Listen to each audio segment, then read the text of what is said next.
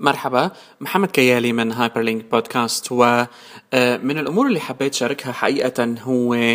آه، مقال رأي لكارلي بيج من ذا انكوايرر عم تحكي فيه عن تجربة قامت فيها وكتير كتير مفيدة بالنسبة لنا أنه نعرف شو هي تبعات تجربة مثل هاي. التجربة ببساطة كانت أنه انتقلت هالمحررة التقنية طبعا من آه، أنه تستخدم آيفون آيفون 5 عمليا لنوكيا لوميا 920 واللي بيشتغل على ويندوز فون ويندوز فون 8 حتى.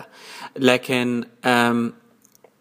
التجربة يبدو إنه بنهاياتها ما كانت ناجحة معها بالمية مية واضطرت بالأخير إنه ترجع لآيفون 5 طبعا التفسير الاولي والأخير يعني بخلاصة الموضوع اللي كان هو إنه التطبيقات الموجودة على ويندوز فون 8 ليست بالمستوى المطلوب بعد وعم تعمل مشكلة كبيرة بالنسبة للأشخاص اللي عم بيحاولوا يعملوا switch وهن النسبة كتير كبيرة لا ننسى نحن إنه لما منطلق منتج كبير كشركة كمان بيكون في عنا أمل من الناس اللي بتغير اعتمادها على نظام معين وبتقلب وبتعتمد على النظام الجديد وهون لازم نحن نعطيها آه، حافز كافي.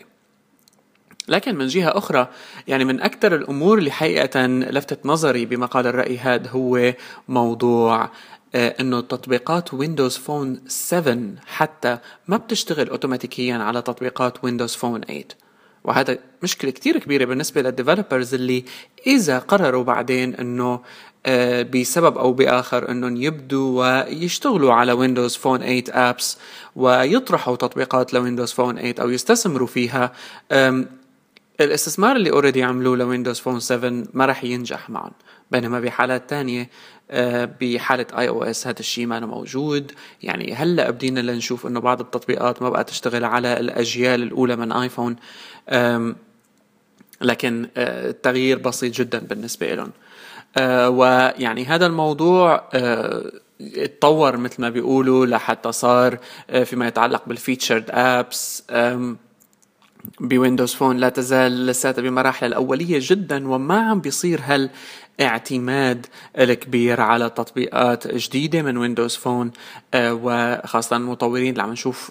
apps جديدة ولا يزال يعني حقيقة الآيفون 5 أو الآيفون بشكل عام هو البداية لأي مطور إنه يعمل تطبيق ناجح. وبعدين بيحاول يستثمر بأندرويد. والسؤال هلأ شو اللي رح يجي بعد أندرويد؟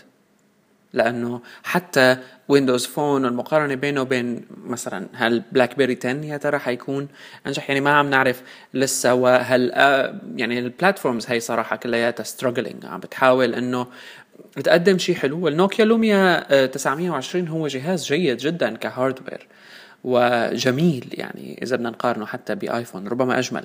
لكن آه، مشكلة ال apps هي هي اللي عم بالأخير يعني عم نواجهها جميعا كمستخدمين لاجهزه ذكية وخاصه إذا كنا معتادين على نوع معين من التطبيقات على ال iOS platform